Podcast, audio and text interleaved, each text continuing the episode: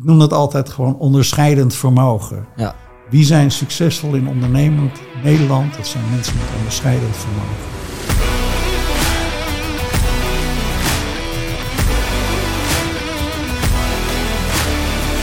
Yes, dames en heren, welkom bij weer een gloednieuwe aflevering van Racing the Bar. Mijn naam is Bart en naast mij zit natuurlijk weer favoriet van de show, Stef Jansen. En eh, Goeiedag. zoals je wellicht eh, kan zien, zitten we in een hele andere locatie dan eh, waar we normaal opnemen. Ja. Een prachtige locatie trouwens. Het hoofdkantoor van Kika met medeoprichter van Kika, Frits Hierstein. Dus eh, dankjewel dat we hier mogen zijn, Frits. Doe het met heel veel plezier. Mooi. Goed om te horen. Ehm, nou ja, zoals jullie ook wellicht weten, wij gaan natuurlijk in oktober eh, samen de marathon voor Kika lopen Ja. ehm, in Chicago. Mhm. En eh, daarom dachten wij, eh, wat is nou een mooiere manier om daar nog meer aandacht aan te brengen dan om een podcast op te nemen met de oprichter eh, van Kika. Eh, Frits, allereerst, ehm, misschien is het interessant om even te beginnen bij het begin. Ehm, je bent Kika in 2002 begonnen. Ja. Eh, wat heb je daarvoor eigenlijk gedaan? Ehm, ik ben van, echt van huis uit een marketing en mens. En mijn eerste marketingjob was bij een Amerikaanse uitgever. Vroeger heel bekend, meer zo heel erg. Reader's Digest. In Nederland heette dat Het Beste. Oké.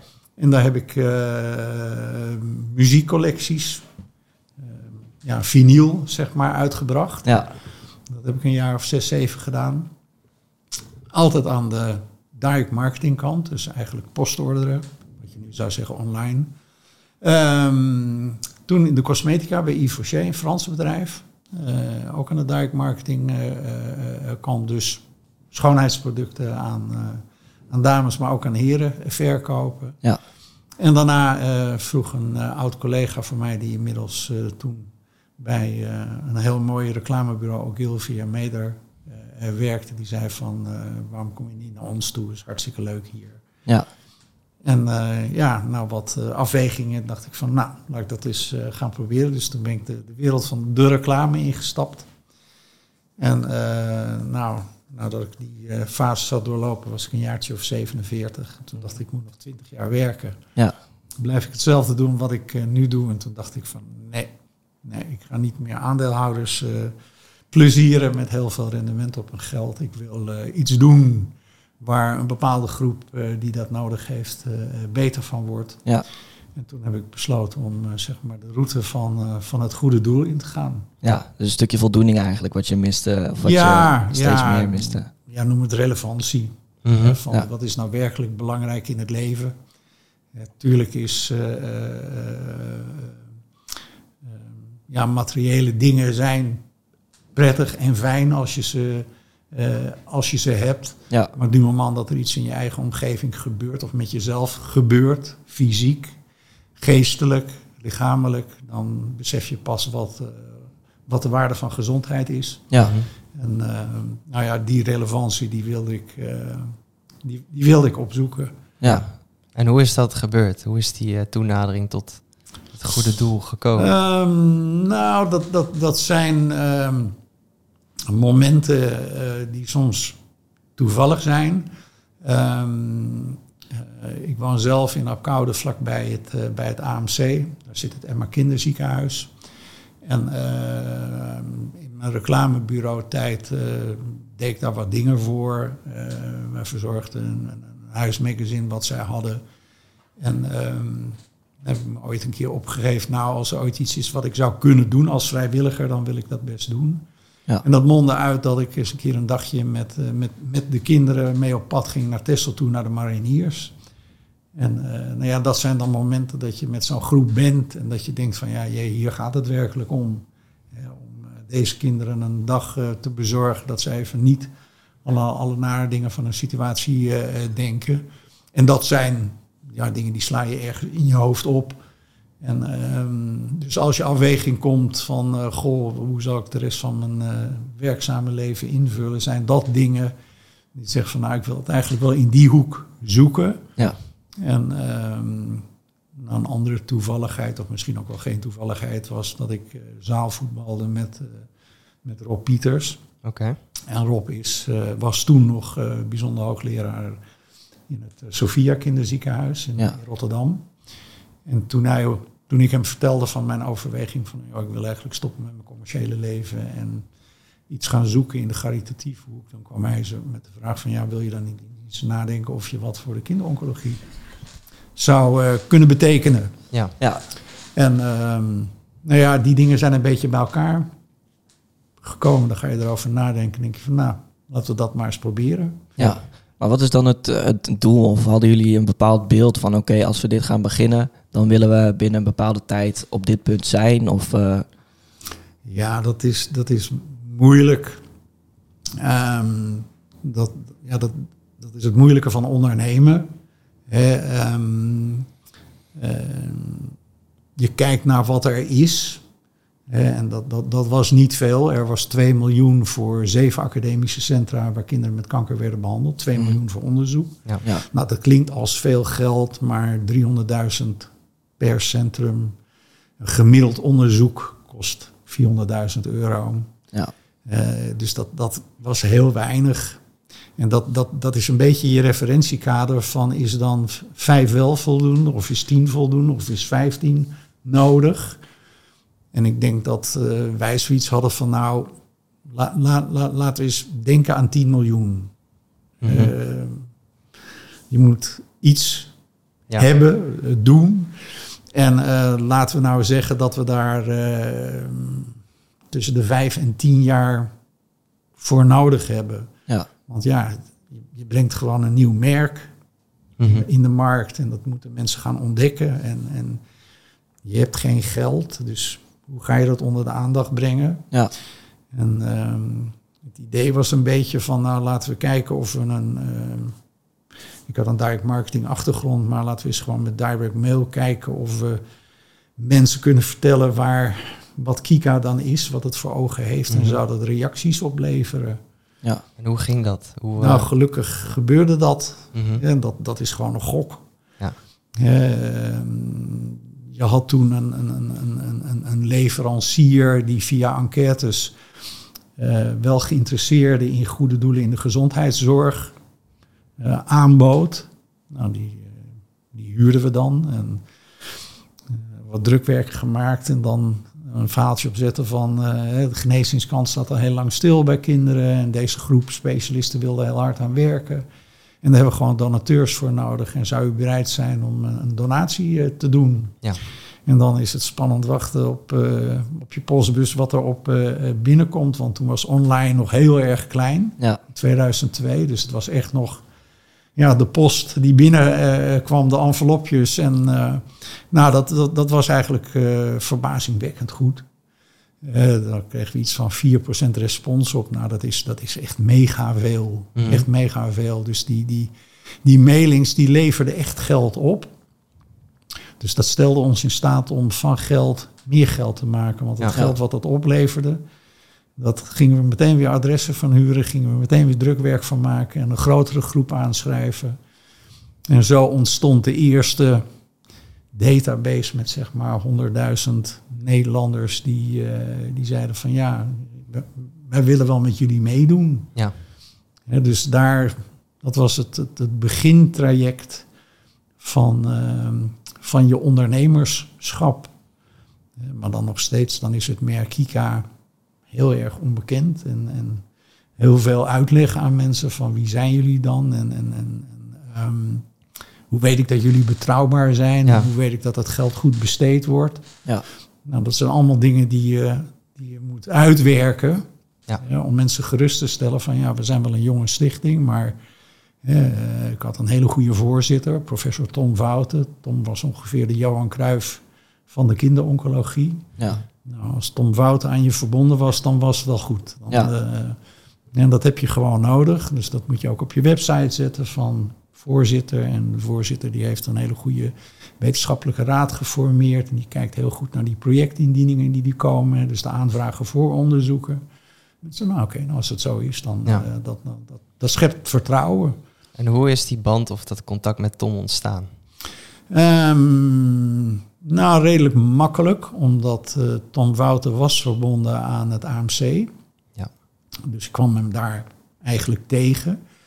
Ehm, ik, mijn idee met Kika, een, een kinderdivisie, zeg maar, eh, dat, ja, dat paste heel erg bij hem, omdat hij verantwoordelijk was voor de kinderoncologie in het Emma eh, kinderziekenhuis. Dus hij had zoiets van, nou ja, het is wel spannend wat je gaat doen, eh, eh, Frits, want eh, er is wel zoiets als het KWF in Nederland. En dat Ja, is natuurlijk wel een precies. dominante factor. Ja. En daar moet je wel eh, mee, eh, mee gaan dealen.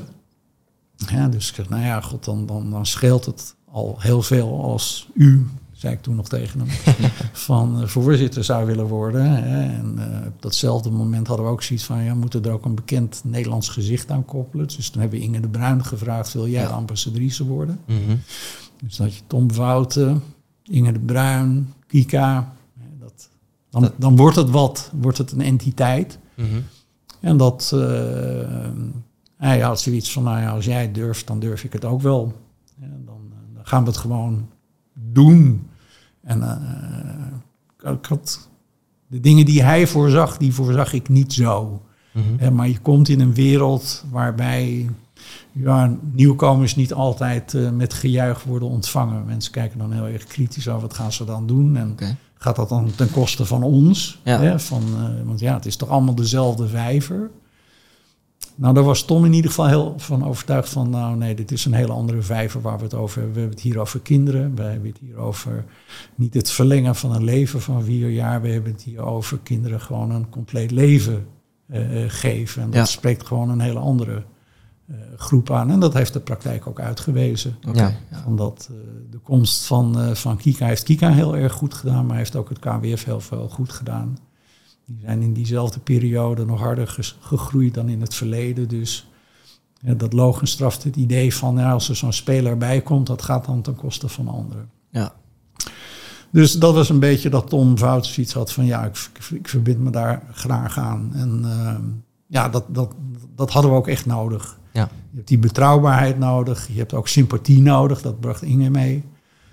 Eh, mensen moeten je gewoon sympathiek vinden. Tenminste, dat is mijn overtuiging. Ja. Eh, het, is, Een eh, stukje gunnen natuurlijk. het is gunnen. Ehm, het is ook eh, een van onze motto's is geven met een glimlach. Eh, Jullie zullen dat zelf ook ervaren van ehm, je kan een accept girootje invullen. Ja. Maar je kan natuurlijk ook gewoon je voor een half jaar, een jaar, twee, drie jaar verbinden door aan sportevenementen deel te nemen. Ja. Mhm. Je gaat trainen, je gaat naar bijeenkomsten, je gaat op een gegeven moment met een hele groep op reis. Je beleeft dat. En dat is een hele andere ervaring dan alleen maar een fysiek handtekening op een stuk papier zetten als een acceptiro. Klopt. Ja, absoluut. En eh, als jij je, je prestatie hebt geleverd je zit s s'avonds op, eh, op, op de bank met je spierpijn en je denkt van potverdomme, dat hebben we toch maar geschift met z'n allen Ja, dat krijg je die glimlach op je gezicht van, eh, ja, dat geeft mij een goed gevoel. Mhm. Eh, ik heb fantastische prestatie geleverd en we hebben een mooie bijdrage geleverd aan het goede doel, in dit geval Kika. Nou, Ja. krijg ik een glimlach van op mijn gezicht. Ja. En dat, dat is de kracht. Hè, dan word je ook een sympathiek merk. En dan kan je ook regelmatig bij mensen aankloppen. Als je alleen maar aanklopt voor geven, geven, geven. Mm. Ja, daar kan vermoeidheid in komen. Maar als ik tegen je zeg van ja, wil je met ons meedoen? Hè, en eh, jullie doen dat met hardlopen, maar eh BSO's doen dat met cupcakejes bakken. Ja. Ja. Hè, die zijn de hele dag met de klas, met de groep eh, bezig, met hetzelfde effect. Want die cakejes verkopen ze weer in de familie of in de straat. Ja. En die kleintjes zijn natuurlijk eh, ontzettend trots eh, met hun eh, vier, vijf, zes jaartjes oud. Ja. Die dan voor eh, 80 euro aan cupcakejes hebben verkocht. En die hebben diezelfde glimlach als jullie en ik Juist. op ons gezicht als wij onze prestatie hebben geleverd. Ja, dus je daar, maakt, het maakt echt onderdeel van. Je maakt onderdeel van, je, je zet je in. En dat is waar veel mensen aan moeten wennen of dat moeten ontdekken. Hè, van, nou, jullie zullen dat ook hebben meegemaakt, dat je omgeving toch zegt van, nou, ik vind, Bart, ik vind het wel heel tof dat je dat doet. Ja. Wel dapper dat je dat doet. Of Zeker. Dat je dat ervoor over hebt en dat je dat allemaal aan de kant zet. Ja. En dat mensen zo zeggen, oh, ik krijg compliment. Hè, dat eh, lijkt heel gewoon, maar dat is niet zo. Ja. Eh, Nee, en zeker tegenwoordig eh, worden er gewoon heel weinig com- complimenten uitgedeeld, überhaupt denk ik. Maar inderdaad, op het moment dat je vertelt van ik ga dit doen, zeker in het geval van een marathon of bijvoorbeeld een triathlon, de extremere Ja. sportprestaties, dan denken mensen ook bij zichzelf van, ik zou dit niet kunnen. Dus dat jij dit gaat doen en ook nog eens voor Kika, Ja, dat inderdaad het eh, stukje sympathie waar je het over hebt, dat, eh, dat merk ik wel echt enorm. Ja, je merkt ook, dat is, want dit is het trainingsshirt waar, eh, waar ik mee train. En als je daarmee gaat hardlopen, hoe mensen daarop reageren. Ze zijn altijd vriendelijk, ze knikken een keer van, nou, Ja. Goed bezig. ja. Dat is anders dan dat je gewoon in je hardloop-outfitje van, eh, van een bepaald merk of zo, Ja. dat je daarin gaat rennen. Het, het Ja. brengt toch iets anders teweeg als... Nee, dat, dat, dat klopt.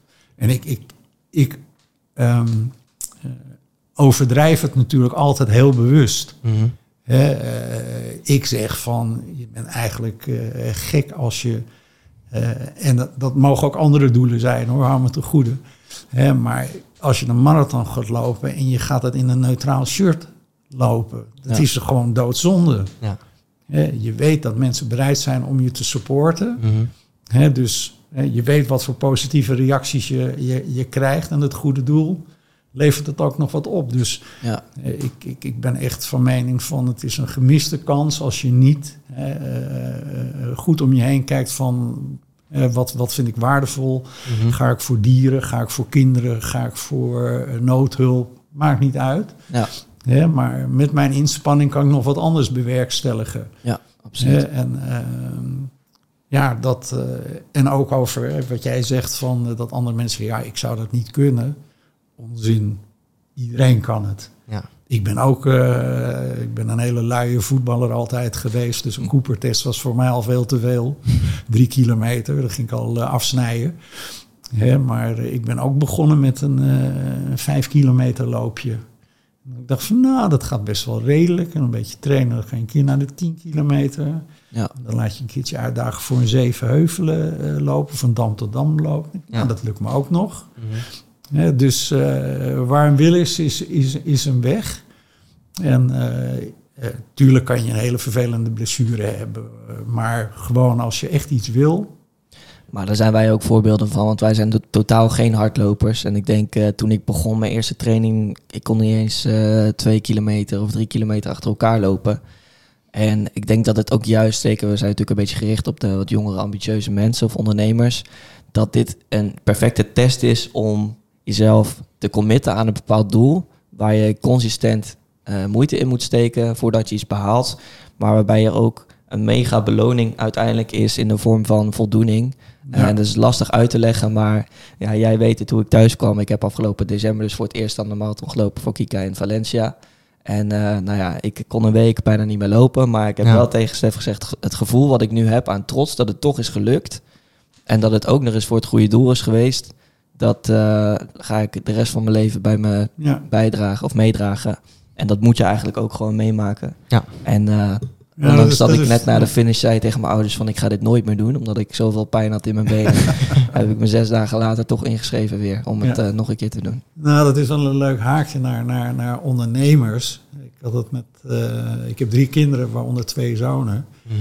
En mijn oudste zoon die besloot eh, eh, eh, vorig jaar om voor, voor zichzelf te beginnen. Ja. Hij zit aan de financiële dienstverlening kant. En ehm, dus we hebben een, een, een website eh, eh, ontwikkeld. En toen heb ik ook tegen hem gezegd van ja, je moet als onderdeel van je ondernemerschap moet je ook aangeven wat je aan MVO doet. Hè? Want Maatschappelijk verantwoord ondernemen. nemen. Ja. Ja. of duurzaamheid, hoe je het maar wil omschrijven. Maar, hè, want dat vertelt iets over je persoonlijkheid, over je ondernemerschap. Ja. Dus ik heb ook gezegd van ja joh, eh, eh, je loopt ook hard, je haalt ook geld eh, voor Kika op. Dat moet je ook op je website als ondernemer vertellen. Want een van de dingen is altijd de vraag van ja, waarom moet ik bij jou kopen of waarom moet ik met jou in zee gaan? Want er zijn nog wel 50 mensen of partijen waar ik uit kan kiezen. Ja. Dus ik heb hem bij me opgehamerd en hij had ook zoiets van ja, maar pa, moet ik dat dan echt uitdragen? Ik zei ja, natuurlijk. Ja. Je doet dat toch met een bewuste eh, eh, eh, reden. Dat zegt wat over jou als persoon en mensen die met jou in zee willen gaan. Ja. Nou, ik denk dat die zoiets hebben van, nou, dat is in ieder geval een jongen die denkt niet alleen maar aan, aan, aan, aan- aan de commercie, En aan denkt ook ontvangen. aan een kwetsbare groep. Ja. En als ik een, een, een auto moet kopen, of ik moet een notaris uitkiezen, ja, ik kan wel uit 40 partijen kiezen en dan ga ik inzoomen op een site. En als ik dan iets lees wat zegt van, hé, hey, dat vind ik verrassend, dat vind ik goed dat iemand dat doet. Dat, Ja. Ja. dat voegt, ik noem dat altijd gewoon onderscheidend vermogen. Ja. Wie zijn succesvol in ondernemend Nederland? Dat zijn mensen met onderscheidend vermogen. En eh, als jij straks een eigen bedrijf begint, dan adviseer ik je van eh, zet je foto's van Valencia, zet je foto's van New York, eh, eh, zet erop en vertel je verhaal van waarom je dat doet. Ja. Ja. Ja, want dat zegt wat over jou. En, eh, en, en dan zeggen mensen wel, ja, maar vinden jullie dat dan goed? Zeg, natuurlijk vinden we dat goed. Ja. Ja, want hoe meer Kika genoemd wordt, hoe beter dat voor ons is. En als jij je inspant voor Kika, moet je dat vooral uitdragen. Want Nederlanders zijn altijd heel erg bescheiden. Hè? Van, ja, ik hoef het er allemaal niet over te hebben. Onzin. Je mag er trots op zijn. Ja, daar moet je ook trots op zijn. Eh, toen ik voor de eerste keer in New York was, vroeg een, eh, een, een, nog oudere man als ik, die in een sportzaak eh, stond in, in New York, van wat zijn al die oranje jasjes? wat komen jullie hier doen? Ja. En toen vertelde ik, en toen zei hij van, nou, dan moeten we even gaan zitten, meneer Frits, want dit, is, dit vind ik wel heel bijzonder. En die zei ook letterlijk van, nou, je moet wel heel erg trots zijn dat jullie dat hebben gedaan. En ik had zoiets, ja, trots. Ja, Amerikanen hebben dat veel meer. Ja. Van hem had ik echt geleerd van, ja, ik moet er ook gewoon trots op zijn. Ik moet dat uitdragen. In, in New York is het, wordt het echt, nou, verwacht is overdreven, maar de maandag na de marathon moet je met je medaille op door Manhattan lopen. Want de New Yorkers willen jou bedanken dat je in hun stad de marathon hebt gelopen. Dat vinden ze echt waanzinnig gaaf dat je dat hebt gedaan. Ja, voor ons is dat mega winnen van met je Ja. medaille doorslaan. Ja. Maar dat, dat vinden zij echt, ja, dat moet je uitdragen. Ja. Dus nogmaals, als je ondernemer bent, dan zou ik zeggen van overweeg dit soort dingen. Hè, en laat dat aan de, de, commerciële wereld gewoon ook zien dat je dat doet. Ja. Hè, dat je aan meer denkt dan alleen maar commercie. Ja. En dat geeft een plus aan je, aan je merk, aan je bedrijf. En dat is terecht. Ja, zeker. En ik denk dat het dus een, een combinatie eigenlijk is van en persoonlijke ontwikkeling, jezelf uitdagen. Ik denk dat je eh, inderdaad het perspectief trots weer in een heel nieuw perspectief eh, zet. Omdat je echt iets doet wat veel mensen vanaf het begin denken, oké, dit, dit gaat me misschien niet lukken. Of dit is 42 hele kilometers in dit geval. Dat is bizar om voor te stellen eigenlijk. Ja. Eh, maar inderdaad ook mensen zien daarmee van, oké, ik ben nu bezig met een persoon, überhaupt punt, met een persoon. En daarnaast dat hij ook eh, bezig is met niet alleen maar ontvangen en alleen maar om geld, Nee. maar om veel meer dan dat. Dus ik denk dat dat inderdaad een, een hele mooie is. En dat dat, eh, je had het in een interview, hebben wij volgens mij gelezen, of het was ergens anders, over ehm, dat je elke dag bezig moet zijn met onderscheidend zijn als merk. Ja. Mhm. Dit is dus daar een voorbeeld van. Ehm, nou, dat, dat, dat, er zijn een aantal dingen die ik hier altijd... Ik ben, ben geen van de EO jong- Jongerendag, maar wel predik. Er zijn gewoon eh, eh, basisprincipes waar je echt aan vast moet houden. Eh, een van de dingen is van je moet in 30 seconden uit kunnen leggen waarom je aan Kika mee moet doen of aan Kika moet geven. In plaats van aan een ander. Je moet dat in hele Jip en Janneke taal Ja. dat vertellen. Eh, je moet heel helder zijn in wat ik van jullie wil. Ja. Eh, eh, heel direct zijn. Dat zijn wetmatigheden die gewoon werken. Ja. Punt uit. Hoeven we niet over te discussiëren. Ja, als ik zeg tegen iemand van ik kan je ook heel wollig vertellen wat ik mogelijk van je verwacht. Maar kan ook gewoon zeggen van ik wil dat je 10 kilometer gaat hard rennen voor Kika en geld Ja. gaat ophalen. Ja. Wat heeft je voorkeur? Nou, Duidelijkheid. duidelijkheid. Ja. Maar creativiteit en innovatie bepalen je onderscheidend vermogen. Onderscheidend vermogen, eh, we hebben het hier over voor ondernemers, dat bepaalt of je succesvol in het leven eh, eh, eh, bent. Neem de banken als niet onderscheidend. Waarom zou ik naar de ING gaan? Waarom zou ik naar de Rabo gaan? Waarom zou ik naar ABN AMRO gaan? Vraag het me maar, ik heb geen idee. Nee, het zijn altijd maar kleine, kleine verschillen. Ik eh, heb ooit een rekening courant ergens genomen en ik vind het gemakkelijk en om een andere rekening te openen vind ik lastig. Maar dat, Ja. is, dat is de enige reden waarom ik bij die bank blijf. Nou, dat, dat vind ik geen ondernemen. Daar zou ik niet voor willen werken, niet mee willen werken. Dus ik predik hier van je moet, dat is voor mijzelf, Ja. ik moet iedere dag minimaal een kwartier nadenken over wat kan hier anders, wat kan hier beter. Ja. En dat hoeft niet altijd in het product eh, te zitten. Kan in de bereikbaarheid zijn, in de klantvriendelijkheid eh, zijn, in de snelheid waarmee je dingen doet eh, zijn. Maar je moet eraan denken. De meeste mensen gaan over innovaties nadenken als het slecht met een handel gaat. Nou, Ja. Dat is het meest foute moment. Je moet denken aan nieuwe dingen als het goed met je gaat. Ja. Dan gaat het ook goed. Ja. Eh, In mijn reclamebureau-tijd weet ik dat zodra er een klant wegging, ging iedereen nadenken over welke klant moeten we winnen. Ik zei, ja jongens, dat is niet te laat. Want je bent nerveus, er staat druk op je eh, onderneming. En dat zijn niet de omstandigheden waarin je creatief bent. Je hebt sores aan je hoofd. Mhm. Je moet juist op momenten denken dat het rustig is in je bedrijf, dat het goed gaat met je bedrijf, is juist het vruchtbare moment om na te denken over wat kunnen we anders doen. Ehm, dus ja, soms is het gewoon van, eh dat hebben we de afgelopen maanden eh, gedaan, omdat ik in september heb ik mijn stokje overgedragen aan mijn opvolster. Ja. En ik heb beloofd om een aantal dingen hier nog te doen. Dat is nu in de afrondende fase. Ik ben sinds 1 mei echt vrije jongen weer. Mhm. Maar dat, dat kan je nooit zo plannen qua data. Dus ik moet nog wat dingen afronden. Maar we Mhm. hebben in de afgelopen maanden hebben we hier met een man of twintig in allerlei groepjes hebben we creativiteitssessies gedaan met de vraag van stel dat morgen we niet meer eh, donateurs mogen werven of als we morgen niet meer met onze loterij verder kunnen. Wat kunnen we dan bedenken om dat te vervangen, om dat te compenseren? Dus echt groot denken. Nou, daar zijn vier ideeën uitgekomen die we nu aan het uitwerken zijn en die we in alle rust het komende jaar gaan uitproberen. Juist. En dat is, dat, dat moet je in je systeem hebben. Dat is gedoe, ja. Je moet naar mensen toe. Heb je tijd, zin om hier een middagje te komen zitten en met ons na te denken. En eh, bestaan geen slechte ideeën, het zijn alleen maar goede ideeën. En wij gaan laten filteren met welke ideeën willen we verder. Mhm. En dat is een, een, een, een lang proces. Ik vind het een heel leuk proces. Ja. Hè, want eh, er zit geen druk op. Hè, en eh, als je aan het eind van die rit vier ideeën hebt waarvan je zegt, potverdorie, daar zouden we er wel eens twee van heel succesvol kunnen worden. Ja. Het zijn allemaal ideeën waarvan je weer die glimlach krijgt en waarvan je denkt van nou als dat aan mijn deur komt, dan eh, ja natuurlijk zeg ik daar geen nee Nee. eh, tegen. En dat is je onderscheidend vermogen. Dat bepaalt of je blijft groeien, eh, succes hebt, eh, in onderzoeken teruglegt van we kunnen nooit boos worden op Kika, we vinden het allemaal sympathiek. Eh, het is Ja. een sympathiek merk. En daar, daar krijg ik energie van. En dat is de kunst van ondernemen. Van ergens energie instoppen Mhm. en energie terugkrijgen. Juist.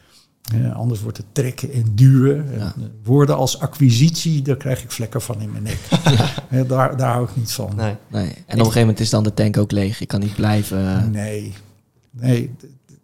Ik, ik probeer altijd een soort van metaforen te zoeken. Ik, ik, heb, ik heb echt een allergie voor het woord acquisitie. Als iemand op een visitekaartje hebt, business development of acquisitie, dan denk ik van. mm.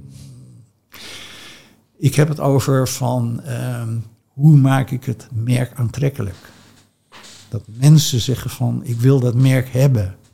Waarom willen mensen rituals hebben? Omdat het een aantrekkelijk merk is. Je kan uit honderden cosmetica merken kiezen, maar rituals is erin geslaagd om een aantrekkelijk merk. Wij zijn erin geslaagd om een aantrekkelijk merk te maken. mhm. En dat trekt mensen aan. En dat werkt vele malen plezieriger dan dat ik moet canvassen en dat ik eh, acquisitie moet plegen. Ja. En dat is onderscheidend vermogen, creativiteit, innovaties. Ja, dat maakt tot een merk ja, aantrekkelijk maken. Ja. Dat maakt je leven gewoon veel leuker. Ja. Was dat al vanaf het begin eigenlijk zo? ja, ik was ook benieuwd of dat er situaties zijn geweest waarin je dus wel meer moest duwen en trekken. Ehm, ja, in het, in het begin wel. Maar het, het, begint al met wat ik zei van Tom Wouten was de Johan Cruijff van de kinderoncologie. Dat is een positief signaal. Inge de Bruin was een heldin in Nederland, nog steeds. Olympisch zwemkampioen, uh, Hollands trots.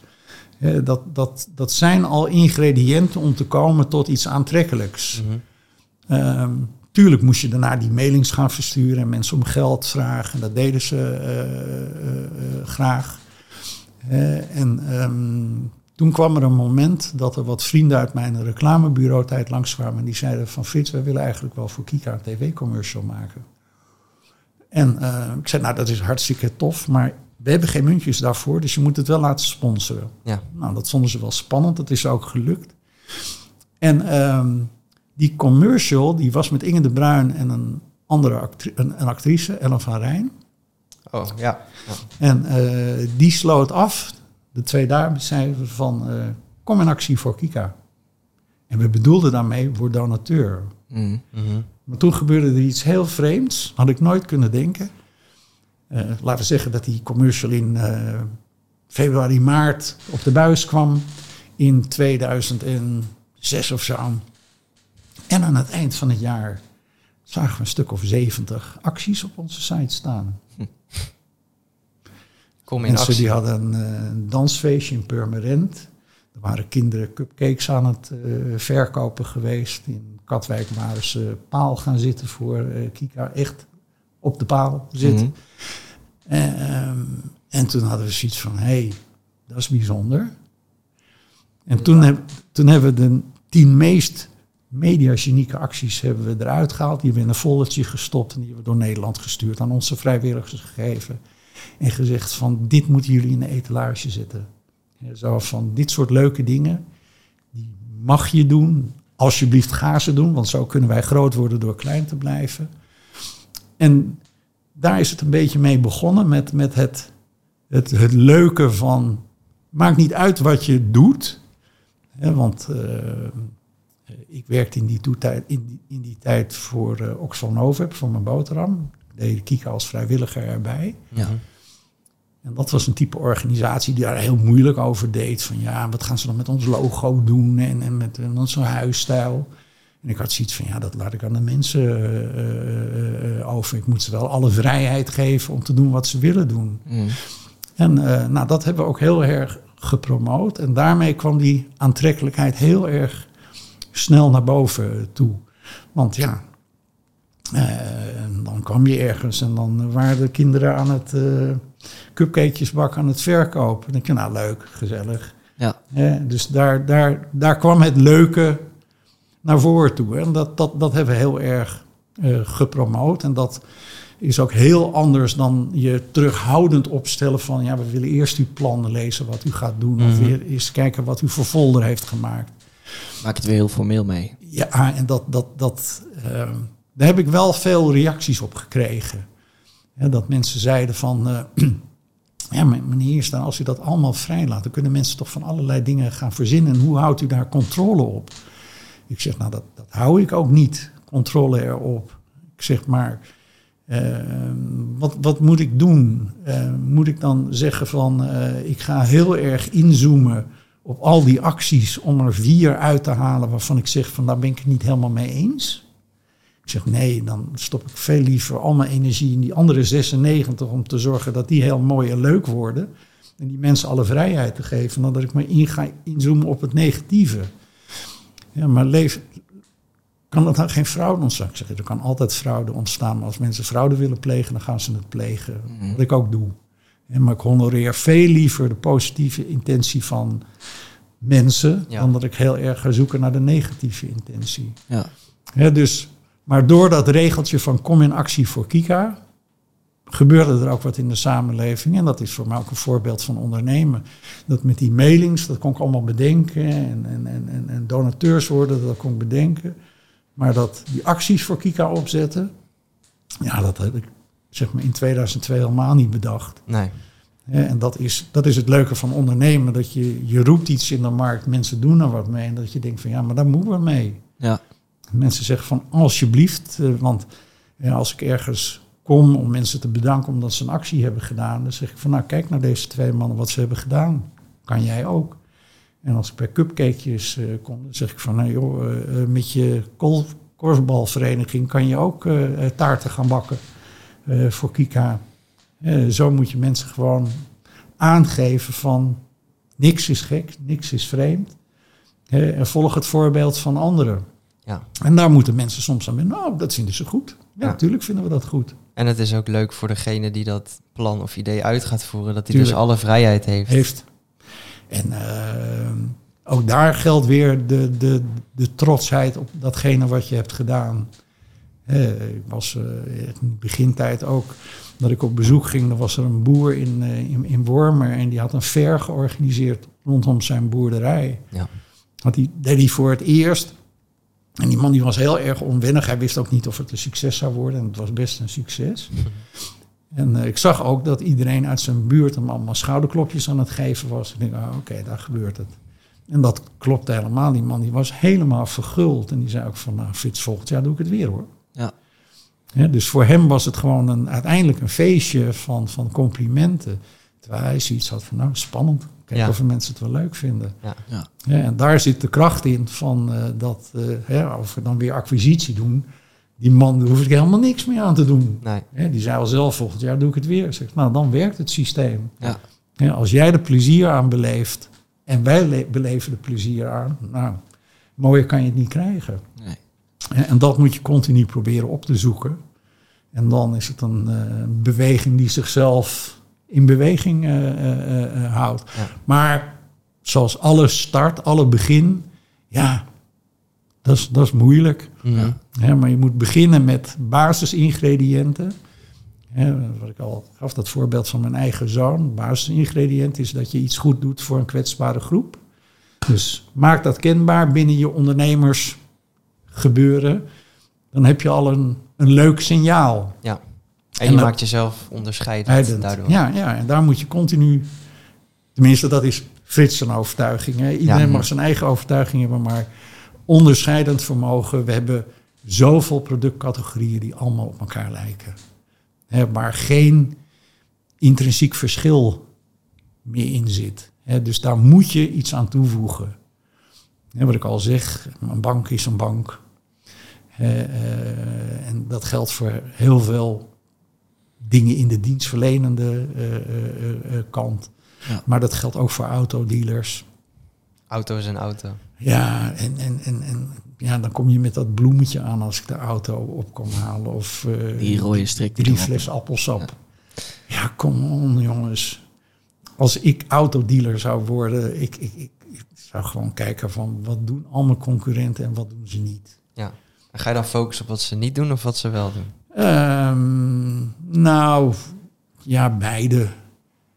Eerder verplaats ik mezelf in van wat bepaalt nou dat ik, ik kom hier 20, 30, 40.000 euro brengen.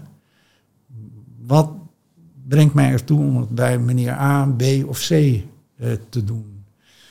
En dan zeg ik van wie geeft me een betrouwbaar gevoel? Wie geeft me echt het gevoel dat hij naar mij kijkt? Wat mijn gebruik is, wat mijn gezinssituatie is. Wie geeft me echt een goed advies? In plaats van ik denk van ja, je wil dat model Ja. doordrukken. En die heb je op voorraad eh, eh, eh, staan. En, en dat bewerkstellig je niet met als ik de keuze heb gemaakt om een, een, een, een bosje fleur op Ja. Mee te geven. Nee. Nee, en ik denk dat dit inderdaad een hele mooie is om eh, mee te nemen. Ook een heel generaliseerbaar naar iedere ondernemer. Ja, En ook als je kijkt naar de ontwikkelingen met eh, AI, hoe dingen nu tegenwoordig allemaal geautomatiseerd worden, dat is leuk. Alleen daarbij ben je ook niet onderscheidend, want iedereen Nee. heeft toegang tot dezelfde eh, dingen daarmee. En mensen willen toch blijven samenwerken met mensen. ja. En dan is het dus inderdaad heel mooi om na te denken, hoe kan ik dat op een unieke manier doen, waardoor ik eh, me daarmee onderscheid. Eh, ik ben nog wel benieuwd naar een ander eh, gedeelte eigenlijk. En dat is wat het met jou als persoon heeft gedaan de afgelopen nou, iets meer dan twintig jaar die je in Kika hebt gespendeerd. Ehm, ja. ja, heel veel. Ehm, en wat ik al zei, van, ik was op een gegeven moment klaar met aandeelhouders. Alleen maar kijken naar korte termijn rendement, het uithollen van een merk. Gaan allerlei mensen straks reageren van "Oh, wat een onzin. Maar Ik kan zo vier voorbeelden eh, noemen die hier in de markt gebeuren, waarvan ik denk van zie je wel hoe het merk geërodeerd wordt. Mhm. Ehm, dus het heeft mij eh, in ieder geval dat veel meer gegeven dan dat ik in het begin had gedacht. Ik had nooit kunnen bedenken dat wij een, een, een, een, een een centrum als het Maxima Centrum hebben kunnen realiseren. Dat hebben wij als Kika mede gedaan. Als Kika er niet was geweest, was het Maxima er niet gekomen. Ja, nou, uh, iedere keer als ik daar kom, heb ik zoiets van wauw, hebben we toch maar geshift met z'n Ja. allen. Ja. Dat is toch erg gekomen. En dat is ons middel om die 100% te gaan halen, die we gaan halen. Ja. Ja, dat is een, een, een, een- een- ja, het realiseren van een eh, niet geschreven doelstelling, want dat was misschien die 10 miljoen. Ja. En eh, misschien van 70 naar eh, waar we nu zijn, 81 eh, procent. Maar de wetenschap dat we naar 100 procent gaan, ja, dat, dat doet wat in, in, in, in, in bevrediging van dat je denkt van nou, dat is de moeite waard. En ik heb heel veel plezier met de muziek gehad. Ik heb heel veel plezier met de cosmetica gehad. Ik heb ook heel veel plezier met de reclameperiode gehad. Maar het is een hele andere bevrediging dan dat je zegt van ik heb wat voor een kwetsbare groep betekend. En hun families. Dus in eh, tevredenheid over wat je hebt gedaan, ehm, eh, is dat heel waardevol. Ehm, het is heel fijn om twintig jaar door te hebben gebracht met energie instoppen en energie terugkrijgen. Ja. Ja, want als mensen tegen me zeggen, god, dat zal wel zwaar zijn geweest, zeg ik, nou, nee. Tuurlijk is het hard werken. Soms is het best spannend geweest met hele grote acties die je optuigt waar je een miljoen in moet investeren. In de hoop om er 8 miljoen uit te krijgen. Mm. En dan zeggen ook wel eens mensen van Frits, ik heb je nooit in paniek gezien. Ik zeg, nou, eh, nee, dat heb ik nooit laten blijken. Maar ik heb ook wel eens een nachtje wakker gelegen hoor. Met een grote actie als draag je steentje bij voor het maxima. eh, Waar echt een miljoen in gestopt moest worden. En ik denk van, oeh, als het straks onderuit gaat, wel dan. Ja. Maar nee, het is een hele andere eh, eh, eh, druk. Ja. Hè, en nee, heb ik, ik wil niet zeggen dat ik het allemaal met gemak heb gedaan, maar ik heb het wel met heel veel plezier gedaan. En je kreeg er altijd energie van terug. Altijd energie van terug. Als dat niet werkt, dan. eh, ik, ik ben nu ook in een positie dat ik tegen bepaalde dingen kan zeggen: van jongens, we gaan dit beginnen. Ja. En eh, als ik het gevoel heb op een gegeven moment dat het trekken en duwen is, dan moeten we elkaar gewoon aankijken en zeggen van hier moeten we niet mee verder gaan. Want hier klopt iets niet. Dan klopt het concept niet of de methode klopt niet. Hè, maar dan werkt er iets niet. Hè, en eh, tuurlijk gaan er wel eens dingen mis. Hè, maar dan moet je ook weer terug naar de tekentafel gaan en zeggen van welke verkeerde inschatting hebben we gemaakt. Waar zijn we de fout in gegaan? En meestal, dat misschien net niet helemaal goed benadrukt, hè, van eh, waarom ik bepaalde dingen doe. eh, heeft ook te maken met dat ik altijd met de doelgroep ga praten voor wie het bedoeld is. Dus stel dat ik een autodealer ben, dan ga ik naar twintig mensen toe die in potentie een auto gaan kopen. Dan ga ik met ze praten van wat vind je belangrijk, wat mis je, Mhm. wat verwacht je eh, van een partij die een auto aanbiedt. Wat zijn je twijfels? Hè, en op basis daarvan ga je kijken, kan ik iets ontwikkelen wat tailor-made is voor deze groep? En dat, eh, als je dat doet, dan weet je ook dat je uiteindelijk iets ontwikkelt waar een vraag voor is. Ja. En eh, daar zal ik, dat zal ik nooit loslaten. En daardoor, over het algemeen, als je dat goed hebt gedaan, dat huiswerk, ben je ook bezig met iets waar iemand op zit te wachten. En dan gaat die, dat perpetuum gaat lopen van je stopt de energie en je krijgt de energie uit. En als je dan het concept ontwikkelt, hou je het voor van eh, en spreek dit je aan. En als iemand zegt, nou helemaal niet, dan heb ik ergens niet goed geluisterd. Of ik heb iets niet goed Ja. ontwikkeld. Dan ga ik weer terug. Denk ik van, want ik heb met u gesproken, u heeft dit aangegeven, maar ik heb hier niet de oplossing staan. Mhm. Ja, en als je, als je dat doet, ja, dan, dan, dan zeg ik van, dan, dan, dan is het leven een stuk eh, aangenamer. Als je merk aantrekkelijk is, als je een aantrekkelijk merk hebt gemaakt, en dat je geen acquisitie hoeft te plegen, maar mensen je ook aantrekkelijk vinden. Ja. Eh, Dan om er niet al- alleen maar over kieken te maken, maar ik vind Rituals een mooi voorbeeld. Eh, zeg ik van ja, dan, dan, dan is je leven een stuk leuker. Hè, en ehm, ja, zeg ik van dan kan ik het iedereen aanraden. Ja. Het zijn het principes die hier in ieder geval heel erg hebben gewerkt, voor mij hebben eh, eh, gewerkt. Eh, en ook ervaringen die ik in mijn muziek, cosmetica, reclamebureau tijd heb meegenomen. Ik zeg altijd, ik heb een gereedschapskist, die heb ik in de afgelopen jaren opgebouwd. Ja. Dat werkt voor eigenlijk alle producten. En mensen zeggen wel eens, ja, maar dat is heel wat anders dan goed doel. Ik zeg, nee, is helemaal niks anders. in feite moet je hetzelfde doen om mensen een goed gevoel, te verkopen als mensen een auto te verkopen. Ja. Het gaat om dezelfde drempels die, eh, die mensen hebben. dus ehm, ja, dat heeft het mij gebracht, wat, wat ik ook gehoopt had. Hè, van, ehm, ik heb drie kleinkinderen en die gaan op een gegeven moment, eh, eentje doet het al, vragen van eh, opa, wat heb je allemaal gedaan? En als ik dan dat laatste ook kan vertellen, dan denk ik van nou, dan klopt mijn cv. Ja. Hè? En dan, dan heb je een goed verhaal. En dat, eh, ja, dat, dat was ook mijn insteek. En dat is gelukkig uitgekomen. ja. Is dat dan moeilijk om dat nu los te gaan laten? Ehm, ja en nee. Ja, in de zin van ehm, ehm, het is een bepaald ritme waar je in zit. Ehm, je moet, ehm, nou, moet niet eh, zwaar, zwaarmoedig worden, maar eh, alles heeft een houd, houdbaarheidsdatum. Ook Frits heeft een houdbaarheidsdatum. En eh, het is de kunst om ruim voor die datum te zorgen dat er een ander iemand is, die in de geest die, die ik heb, om dat voor te zetten. Ja. En dat moet zeker geen kopie van Frits zijn, absoluut niet. Maar wel dezelfde basisprincipes blijven houden, vasthouden aan die glimlach, aan dat onderscheidend vermogen, aan die creativiteit. De, de basisingrediënten die hebben gezorgd waarom Kiko de afgelopen twintig jaar zo'n mooi en goed merk is geworden. Maar die dat op hij, zijn of haar, in dit geval is het maar haar, haar manier invult. Als ik dat geruste gevoel heb, en dat heb ik, ehm, dan is het niet moeilijk. Want het allerbelangrijkste is niet Frits. Het allerbelangrijkste is dat Kika gewoon doorgaat en levert. Dat die 100% genezing gehaald gaat worden. Ja. Dat moet altijd je focus zijn. Die kinderen moeten geholpen worden. En ehm, dat gevoel heb ik dat dat gaat lukken. En dan is het niet moeilijk. Nee. Het zou voor mij moeilijk zijn om een deur dicht te trekken.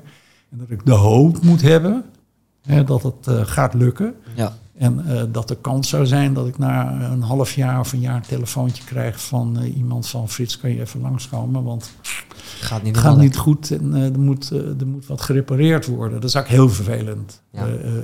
vinden. Dus ja, het, het, het is lastig. omdat ik nog volgens mij prima bij geest ben en ook nog redelijk fit ben. Ja. Maar ik vind het heel plezierig om op een, op een mooie manier iets over te dragen aan iemand die het ook hopelijk twintig jaar met heel veel succes eh, eh, gaat doen. Ja. En eh, er zijn genoeg dingen waar ik me be- mee bezig kan houden. Met andere partijen die in het beginfase zitten, goede doelen. Mhm. Die zeggen, Frits, zou je niet eens met ons mee willen kijken of je ons een beetje kan, kan helpen. Dat ga ik geen vijf dagen in de week doen, maar een dag of anderhalve dag in de week vind ik dat prima Ja. om te doen. En die andere drieënhalve dag ga ik golfen of hardlopen of me bekwaam in het zwemmen om ooit aan een triathlon eh, eh, deel te nemen. Ja. Dus eh, ik ben al redelijk getraind in het, eh, het fenomeen om vrije tijd te benutten. Ja. Ja, lekker. Dus het is ja en nee. Maar de, de, de nee overheerst vanuit... eh, en dat heeft ooit iemand tegen me verteld. En ik luister naar sommige dingen best goed, sommige dingen niet zo goed. Maar een, een, een, een, ehm, een koninkrijk moet je met weer een hele goede koning achterlaten. En niet met een leegte op de stoel. ja. Dat klopt. En als je dat hebt gedaan, nou, dan kan je met een gerust hart zeggen van, joh, het is mooi geweest. En ik zeg ook hier ook van, jongens, ik ben niet van de aardbodem verdwenen. Eh, van als je iets hebt, dan pak je de telefoon en dan zeg je van, ik zit ergens mee en eh, kan ik dat even tegen je aanhouden? En als de oplossing eh, een uur duurt of eh, vier dagen of twee weken, dat maakt me echt niet uit. Dan doe ik dat met alle plezier. Ja. Ja. En dat weten ze ook. Ja. Ja. Nog iets anders waar ik benieuwd naar was. ehm, dat is die 100% slagingspercentage of genezings, genezingspercentage. Heb je eh, het idee dat je dat nog mee gaat maken? Als je kijkt naar de ontwikkeling, ontwikkelingen daarin? Dat kan wel, ja. ja. ja. Mis ik redelijk gezond blijf. Ja. Mijn, ja. Kijk, als je er rekenkundig naar kijkt, we hebben over 11% hebben we een jaar of 15 gedaan. Uh, doe ruimhartig, door het komst van het maxima gaat de genezing sneller omhoog. Zou je kunnen zeggen van uh, een, procent per jaar moet echt lukken. Ja. Moet echt lukken. Dus met andere woorden, nog 19 jaar, dan ben ik 86. Ja. Dat zou kunnen. Uh, mijn hoop is dat het sneller gaat. Door de komst van het maxima, uh, uitbreiding van de researchgroepen. We zitten nu op 400 researchers, we gaan naar 600 researchers. We hebben op bepaalde terreinen nog niet de allergrootste wereldtoppers in huis. Die moeten er ook nog komen. Ja. Dus het niveau gaat in de komende twee, drie, vier jaar nog verder omhoog. En dus het zou wel eens kunnen zijn dat uh, voor mijn tachtigste, dat over een jaar of 12, 13, dat het al zover is. Dus ja, ik denk, die, die kans is er zeker. Maar dan zijn we er nog niet. Want 100% genezing is geweldig, fantastisch. Maar dan hebben we het ook nog over de kwaliteit van leven. Ja. En daar hebben we ook nog een, een lange weg te gaan. Op dit moment kan je even heel simpelweg zeggen. Uh, van de 81% die nu geneest, dan daar, van die 100% van die 81, uh, is meer dan de helft die bijwerkingen heeft. Die chronische vermoeidheid heeft, gehoorproblemen heeft, uh, onvruchtbaar kan zijn, ja. fysieke afwijkingen heeft, botproblemen heeft. Uh, kortom, uh, dat zijn allemaal aspecten die door veel gerichtere therapieën moeten worden voorkomen. Dat kinderen voor 100% genezen met kwaliteit van leven. Ja. Ja. En uh, nou, dat dat helemaal opgelost is, dat ga ik niet meer meemaken. Dat Nee. geloof ik niet. Ik zou het dolgraag willen roepen, maar ik denk dat daar langer voor nodig is. Er zijn op dit moment enorme doorbraken op het gebied van immunologie. Echt enorme doorbraken. Dus ik denk wel dat er in de komende vier, vijf jaar majeure stappen worden gezet op bepaalde gebieden. Maar dat uh, ieder kind ook echt die kwaliteit van leven heeft, dat, dat, dat zal een lange weg uh, uh, zijn. Maar uiteindelijk heb ik daar wel het geloof in dat de wetenschap daar de oplossingen voor gaat vinden. Want als je het over immunologie hebt, daar zeiden ze 25 jaar geleden van joh, geen tijd en energie in stoppen, dat gaat echt niks opleveren. En nu is het echt het meeste hot item wat er maar is. En dan zoekt iedereen de absolute topper op dat gebied om naar zijn centrum uh, toe te halen. Dus, uh, maar vergeleken bij, nou, neem maar Alzheimer, neem maar ALS, hebben wij een hele positieve horizon te bieden. Ja. Dus dat we echt tegen mensen kunnen zeggen, we gaan het chronisch beheersbaar maken. We gaan die kwaliteit van leven verbeteren. Ja, dat is heel wat anders dan sommige andere categorieën waar het echt nog op 0% staat. En die zijn er echt. Mm. Waarbij ouders echt te horen krijgen van uw kind heeft een zeldzame ziekte. Gaat een geestelijke beperking krijgen, gaat een fysieke beperking krijgen, gaat uiteindelijk overlijden voor de achttiende. Ja. En we kunnen er niks aan doen. Nou ja, die, die stichtingen die zijn er ook. En uh, ja, die, die verdienen ook de route die Kika heeft. En, uh, maar wij hebben een veel positieve horizon, gelukkig op dit moment. En dat zeg ik, uh, er is zo'n stichting op dat gebied, die heeft bij mij aangeklopt. En daar heb ik ook gezegd van nou, dan wil ik kijken of ik daar iets voor kan betekenen. Ja. En uh, dan zet ik het ook op. En dan uh, zoeken we de mensen bij die zeggen van nou, wij willen daar de komende twintig jaar heel veel energie in stoppen. En dan hoop ik dat die dezelfde route kunnen be bewandelen. Want twintig jaar geleden hadden wij dit ook niet kunnen denken voor de kinderoncologie. En het is toch van hoe meer geld, hoe meer research, hoe meer oplossing. Ja. Dat is toch de wetmatigheid. Hoe stond het er toen voor, toen je startte met Kika? Nou, toen stond de genezing al heel lang stil op 70 Ja. En was alleen maar te bereiken met chemo. En nu zitten we, dankzij van, toen waren er ongeveer 40 onderzoekers in Nederland. Er zijn er nu 400 onderzoekers in Nederland. Eh, dus het mechanisme werkt van meer geld, meer onderzoek, meer genezing. Ja. En uh, nu wordt er heel veel geïnvesteerd in medicijnontwikkeling om die betere therapieën mogelijk te maken. Je hebt het nu al echt over personalized medicine. In het Maxima zit een, een, een apotheek met 100 FTE's. Je moet je voorstellen, 100 FTE's in een apotheek. Ja. Ieder kind krijgt zijn persoonlijke behandeling. Dus dat niveau dat is mega uh, uh, gestegen. Hè, dus de, de, ik chargeer soms, maar de wetenschappers die zullen dan af en toe een beetje stijgen, maar het is geen wetenschappelijk probleem. Het is een financieel probleem. Als je in de praktijk naar kijkt, van 40 naar 400 naar 600 onderzoekers, van 70 naar 81 naar 100 procent genezing, kan je zeggen van, doordat je de financiële middelen hebt om zoveel researchers aan het werk te zetten of aan te trekken of op te leiden, ben je in staat om een ziekte chronisch beheersbaar te maken. Ja. Dat anderen een veel langere weg nog te gaan hebben, omdat wij met 70% kunnen starten. Terwijl bij ALS zit je op uh, 5, 6, 7 procent. Bij uh, uh, dingen op het gebied van immunologie, hè, waar metakits mee te maken hebt, zit je echt op, op, op, op 0, 1, 2, 3 procent perspectief. Maar daar heb je een veel langere weg te gaan. Maar heilig geloof in van als je echt voldoende middelen, en dan heb je het over niet een keertje 300.000 euro om één onderzoek te doen, maar echt structureel miljoenen om meerdere onderzoek te financieren, dan denk ik dat daar ook een pad te realiseren is. En of dat uh, nog 50 jaar duurt, dat, dat weet ik niet. Maar uh, in mijn geval had ik dan een voetbalvriend die gewoon zei van... joh, wil je er niet eens naar kijken? Er moeten bepaalde mensen zijn die zeggen van... we gaan hiervoor. En uh, ja, dan moet je hopen dat ook die researchers weer dingen kunnen vinden de wetenschap ontwikkelt zich mega. Eh, als je ziet wat er nu mogelijk is met een heel moeilijk woord van sequencing. Eh, vroeger moesten tissuetjes die werden afgenomen van tumoren, moesten individueel ontleed worden, manueel. Ja, het duurde eh, één jaar om één tissue te onderzoeken. Ja, dat gaat nu in een computer en het is binnen tien minuten gelezen en klaar. Ja. Ja. En dat soort doorbraken, die, die, die zijn nu aan de gang. ik weet niet of jullie eind vorig jaar hebben gevolgd met Radio 538 voor die clean rooms die nu in opkomst zijn om DNA-cellen te herprogrammeren, dat ze de foute cellen herkennen en die opeten. Dat Mm. soort ontwikkelingen die gebeuren nu. Ja. Ja. Ja, dus het, het, het kan soms wel eens heel snel gaan. Of in één keer een groot stapje. Is een grap, ja. ja dus uh, ik laat me verrassen de komende vijf jaar. Ja.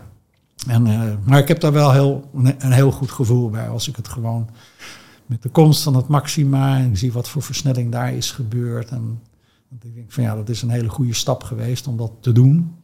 En ik heb daar wel hele hoge verwachtingen van. En ik denk ook niet dat die ontwikkeling lineair, maar dat het juist exponentieel gaat zijn. Ja, en kijk, je hebt, je hebt bepaalde dingen die um, um, zijn gewoon heel erg moeilijk. Als een babytje van vier maanden mee geraakt wordt, ja, dat is een hele lastige. Terwijl uh, ja, bepaalde tumoren bij twaalfjarigen uh, heel dicht bij een doorbraak uh, zitten. Ja. He, dus, um, en het zijn zoveel terreinen waar je op, uh, op, op, op werkt. en bepaalde vormen van leukemie die zijn al voor 99% geneesbaar. Terwijl bepaalde type neuroblastomen nog maar 12% perspectief ja. hebben. Dus zo groot zijn de onderlinge verschillen nog. Ja.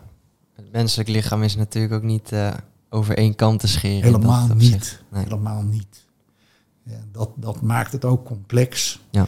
En uh, maakt het ook mooi dat je echt gepersonaliseerde uh, behandelingen hebt. Ja. In plaats van één type chemo voor 70 kinderen. Nee, elke chemo wordt specifiek voor dat ene kind gemaakt. Ja. Of die ene medicijn wordt specifiek voor die ene groep gemaakt. En dat is natuurlijk een, een, een hele complexe route, maar wel de meest optimale route. Ja. En dat zeg ik van dat, dat. Sommige mensen zijn het er niet mee eens, geloof me, volg het maar. Maar ik blijf aan vasthouden dat gespecialiseerde centra zijn de oplossing voor de toekomst. Ik geloof niet in IKEA-ziekenhuizen. Ik kan echt alles. IKEA. Ik geloof niet in een ziekenhuis waar ik voor mijn hartprobleem terecht kan, voor mijn meniscusprobleem terecht kan, voor mijn leverprobleem terecht kan en voor mijn oogproblemen terecht kan. Dat ik dan in alle gevallen de beste specialist krijg, Ja. geloof ik niet. Nee. Geloof ik niet. Nou, als dit in de krant staat morgen, krijg ik weer een heleboel Hm. gekibbel over heen en dat ik niet goed bij mijn hoofd ben, maar ik weet dat ik heel veel medestanders heb. Ja. En het maxima is het bewijs ervan dat hier krijgen de ouders de allerbeste specialist aan de rand van hun bed. En dus de allerbeste kans en de grootste kans op, op genezing. Ja. En daar is het je om te doen. En ik ben ervan overtuigd dat er over tien jaar ook een hartcentrum is. Of Ja. een niercentrum is. Of een ALS-centrum Ja. is. Ja. Eh, En, ehm, Maar is ook weer een stukje innovatie. En dan de rest die eh, volgt dan weer van Ja, nou ja, het, het, het, is, het is niet eens innovatie, want er zijn al zoveel, zeg maar, geen onderzoeken waar we het nu over hebben, maar onderzoeken dat synergie van specialisten die je bij elkaar stopt tot een veel hoger niveau leiden. 1 in 1 is echt 3. Mm. Dat is in alle onderzoeken bewezen. Van dat eh, als wij met z'n drieën, als wij drie specialisten op het gebied zijn, met z'n drieën bij elkaar tot een veel hoger niveau komen.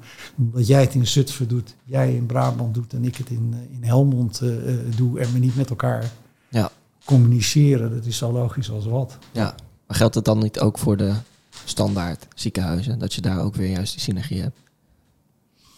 Nou ja, kijk, in een, in een gewoon ziekenhuis eh, heb je allemaal eilandjes, allemaal divisies, allemaal koninkrijkjes. Hè, en ehm, praat maar uit mijn persoonlijke ervaring. ehm, ehm, dat ik voor één kwaal, als ik problemen met mijn knie heb, weet ik dat ik naar het AMC wil omdat ik weet dat daar een bepaalde orthopeed zit die ik de allerbeste van Nederland vind. Ja. Terwijl als ik een probleem met mijn ogen heb, ga ik niet naar het AMC toe. Ga ik naar het UMC Utrecht toe, omdat ik daar weet dat er een bijzonder hoogleraar zit die in mijn optiek de beste van Nederland is. En zo zit eh, de patiënt op dit moment meer en meer in elkaar. Eh, ook door het internet is het gewoon mogelijk om te achterhalen waar worden de meeste behandelingen bij een bepaalde kwaal gedaan. Ja. Want over het algemeen is dat de graadmeter dat dat het beste centrum is. Ja. Dus eh, twintig jaar geleden kreeg ik wel een telefoontje van iemand die zei van ja, maar waar moet ik naartoe? Wie? Nou, zeg ik, nou, dan moet ik mijn vriend erop bellen. Te vragen wat met jouw dossier, wat hij zegt. Ik zeg, nu kan ik zeggen, ga, ga nou eens googlen waar hè, de meeste netvliestransplantaties worden gedaan. Ja. Nou, dan ga je dat googlen. Dan zie je van, nou, dat gebeurt eh, daar. Nou, dan zit daar waarschijnlijk de allerbeste unit. Ja. Ja. Hè, dus mensen gaan het al doen. Mensen zijn veel mondiger geworden. Vroeger geloofde je je huisarts. Als je huisarts zei, ik verwijs je naar die. Tegenwoordig zijn patiënten eigenlijk, hoezo naar die? Hoezo verwees mij naar een streekziekenhuis? Ik wil bij een academisch ziekenhuis eh, zitten. Ja. Oh, nou ja, als u dat wilt, dan gaat u daar naartoe. Dus mensen zijn veel mondiger geworden en willen ook gewoon met de beste specialist terechtkomen. Ja. En ehm, ja, kijk maar naar de Bergman-klinieken. Die zijn niet voor niets allemaal in een bepaalde tak van sport de allerbeste. Omdat heel veel handelingen maakt dat je heel veel routine krijgt, heel weinig fouten maakt. Ja. En dat, zijn ontwikkelingen waarvan ik zeg, daar gaat de toekomst naartoe. Ja. En er zijn heel veel mensen het niet mee eens, dat weet ik ook. En, eh, maar ja, ik, dat toen destijds de zeven oncologen kwamen met het verhaal van het maxima, zeiden wij met z'n allen, lijkt ons heel verstandig Ja. dat jullie dat eh, gaan doen. En de praktijk leert dat het een hele verstandige beslissing is. En dus ja, zeg ik van nou, het bewijs ligt er in ieder geval voor dat het voor de kinderoncologie een hele verstandige beslissing is geweest. Waar ik, die ik als leek volkomen begrijp. Ja. Ik heb geen verstand van oncologie. Ik heb geen verstand van geneeskunde. Ik heb een beetje verstand van marketing. Maar ik snap heel goed als je met z'n allen samenwerkt. En ook nog buitenlandse toppers erbij haalt voor die terreinen die je zelf niet goed beheerst. Ja. Dat je een heel goed specialistisch centrum wordt. En eh, ja, dat, dat zou ik ook als ouder willen of als opa eh, willen. Dat mijn kind, mijn kleinkind of ik zelf zeker weet als ik daar morgen naartoe ga, dat ik met de allerbeste behandelaar Juist.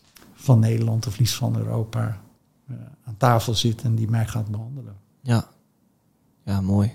Ik denk dat er ook, ondanks dat het natuurlijk over Kika gaat, vooral wat op zichzelf, je noemt het zelf een onderneming. Ja, Ehm, maar in principe is het natuurlijk een goed doel waarbij heel veel ondernemers misschien denken, daar kan ik weinig uithalen. nee, Maar ik denk dat er heel veel, inderdaad, eh, heel veel nuttige eh, lessen uitgehaald eh, kunnen worden. Ja, een stukje ook waar je het zelf over hebt, wat misschien veel ondernemers ook nog in de weg kan zitten, egoïsme. Dat jij ook zegt van hé, hey, het gaat niet om mij, het gaat om het grote geheel. Ja. Ja. Dat is ook mooi om te zien. En daarnaast een stukje onderscheiden. En dan zeker als je nou ja, in een bepaalde tak zit waarin dat eh, weinig gebeurt. Ik denk dat dat al een, eh, een mega grote les is eh, uit. eh, Nou ja, dat is, dat is ook een. een, een ze hebben wel eens van laaghangend fruit. Nou, dit is echt heel laaghangend fruit hoor. Ja, Van ga je eens inspannen voor een goed doel en meld het op de website van je bedrijf. Ja. Dan vertel je iets over jezelf, wat een plus geeft aan je merk. Nou, Hoe simpel. Heel simpel. En, en als, als je het niet doet, is gewoon doodzonde. Ja. En als je met een neutraal shirt aan gaat lopen, als je je gaat hard inspannen, is doodzonde. Echt waar. Daar word jij niet beter van en die groep van het goede doel wordt er niet beter van. Dus ik zou zeggen van, eh, zij die hardlopen, doe het vooral, maar pak zo'n shirt. Dat mag ook een ander shirt zijn. Dat zegt wat over jezelf, dat zegt wat over je merk. En als de twee producten compleet identiek zijn, en deze meneer die dat eh, ene merk heeft, die, eh, die loopt voor Kika of eh, voor, eh voor Wordchild. Dan zeg ik van nou, wat is dat voor mij de doorslag? Dan ga ik met die meneer die zijn hart op de goede plek heeft, ga ik in zee. ja, Ja. Juist. En de, het marathonaanbod voor volgend jaar staat inmiddels ook al online. Dus eh, online. mocht je denken nu van Ja. oké, inderdaad, ik wil mezelf even goed uitdagen. Ik vind het eh, een heel mooi verhaal eh, van Kika. Laat ik het ook maar gewoon mooi gaan doen. Nou, er staat weer een hele lijst eh, online waar je gewoon voor kan inschrijven. En, eh, En nou wees ja, creatief. ja, Ja. precies. Dat mag ook. Ja, en het mooie is dus, eh, je, je haalt een bedrag op en daarmee eh, kan je mee naar een heel mooi weekend met een hele mooie reis. En natuurlijk een hele mooie uitdaging. Dus eh, nou, ik kan ook zelf uit ervaring spreken dat het echt eh, heel bijzonder is. En dat het eh, mij ook heel veel heeft gebracht. Dus ik zou het zeker eh, iedereen aanraden. Ehm, dan kijk ik even naar jou. Heb jij nog eh, vragen staan of dingen die je wil Ja. bespreken? Ik heb nog één ding. Dat is eigenlijk die we ook altijd terug laten komen. Ja. Als eh, Frits eens terugkijkt naar zijn twintige jaren en opnieuw zou mogen beginnen. Welke lessen zou hij zichzelf dan zo snel mogelijk aanleren? Of wat zou hij meenemen vanaf dat punt? Om te zorgen dat hij het toch anders had gedaan dan hoe hij het nu heeft aangepakt. Ehm, nou, ehm, nou ik, nee, ik zou, ik, ik, ik zou het niet anders doen dan ik heb gedaan. Ehm, eh, laat, laat ik het zo zeggen dat ik het misschien van het allereerste moment nog bewuster zou hebben gedaan. Wat, wat ik zei van dat, dat, dat ontdekken van die acties, daar, daar, daar, daar kwam ik achter. Hè, dus de, ik heb nu de wetenschap dat ik weet dat mensen aan te zetten zijn met zelfwerkzaamheid om dingen voor je te doen. Ja. Dat, dat, dat, dat, zou nu in mijn gereedschapskist bij de start al zitten. Maar ehm, eh, ook twintig jaar geleden had ik het besef van het draait in deze wereld om onderscheidend vermogen. Ja. In deze wereld draait het om in 30 seconden te kunnen vertellen waarom je iets van mij moet afnemen. Of dat nou een goed gevoel is, of een auto is, of een tube mayonaise is, of een pot groente is. Overal zijn concurrenten eh, in, maar ik moet jou in 30 seconden kunnen vertellen of overtuigen dat je met mij in zee moet gaan. En vertel dat alsjeblieft in Jip en Janneke taal. Ja. Gewoon helder. eh, eh, wat ik al zeg van, maak mensen duidelijk wat je wilt. We zijn allemaal kunstenaar in omvloerste taalgebruik. En dat ik na vijf minuten jou aankijk en zeg, wat ben je nou in godsnaam aan het zeggen? Wat wil je van me? Mensen Ja. willen gewoon weten wat ik van jou wil. Mhm. En dat eh, eh, eh, met alle dingen eromheen als van kwartiertje per dag even nadenken over hoe maak ik mijn merk aantrekkelijker, leuker, toegankelijker. Ja, dat, ja. Nee, ik zou, ik zou het vanaf het begin af aan nog leuker voor mezelf maken. Ja. Hè, eh, som, ja. En, en, en, eh, maar ja, wat ik al zeg, van met, met het eindresultaat is zoveel meer geworden dan ik ooit had gedacht. Dat dat ook duidelijk is dat ik het niet anders had moeten doen. Ja. Hooguit dat ik het vanaf het allereerste moment, dan was het nog sneller gegaan waarschijnlijk. Maar de, de, de principes waar we het net allemaal over hebben gehad, nee, die, die, daar, daar zit er geen één bij waarvan ik denk van, daar zit sleet in, daar is wat anders voor gekomen. Nee, nee. En, en ik denk dat het alleen maar erger wordt, dat de, de, de MeToo-market alleen maar groter wordt. En dat de kunst om onderscheidend vermogen eh, te creëren steeds urgenter wordt. Tenminste, als je van leuk ondernemen houdt. Ja.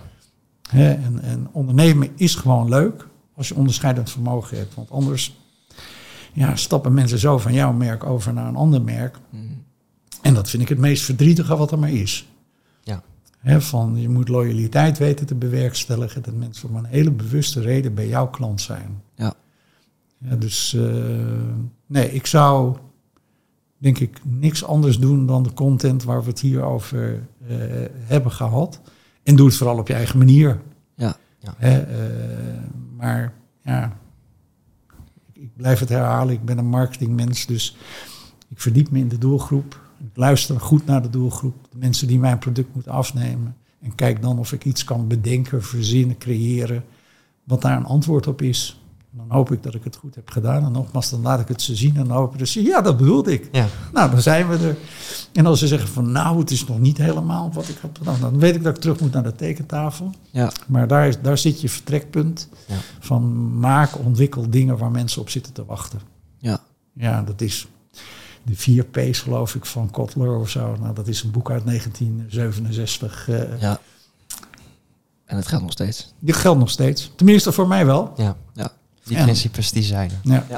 Nou, dan eh, denk ik dat wij jou eh, heel hartelijk gaan bedanken voor je tijd. We vonden het eh, Ja. super interessant. Tenminste, ik vond het een super interessant gesprek met ook echt lessen waar ik zelf ook meteen weer mee aan de slag kan. Dus dat is eh, super Nou, ik hoop tof. jullie eh, luisteraars eh, eh, eh, ook als het ondernemers eh, eh, eh, zijn. En, Ja. Ik hoop dat ze net zoveel eh, plezier aan het ondernemen beleven als ik, eh, als ik doe. Ja. Ja. En wie weet zie je ze nog een keer aan de startlijn ergens. Ongetwijfeld. eh, eh, dan wel om mensen te bedanken en, en hopelijk eh, regelmatig gewoon zelf als deelnemer. Ja. Mhm. Want eh, ook daarvan eh, zeg ik van doe het vandaag. Want eh, zeker als je in mijn leeftijdscategorie zit, kan er een dag komen dat je denkt van oh, kan niet meer of dit doet het niet meer. En eh, het is veel te leuk om het te doen. Ja. En eh, wat je zegt, het is een, eh, een beleving om eh, aan dit soort evenementen te kunnen en mogen deelnemen. Absoluut. Dus eh, het linkje staat onder de abonneerknop. Bedankt ook voor het kijken en of luisteren. Wij zijn volgende week uiteraard gewoon weer terug met een gloednieuwe aflevering. Absoluut. Frits, nogmaals bedankt. Geen dank graag. En, eh, Heel veel tot succes. De volgende. Later.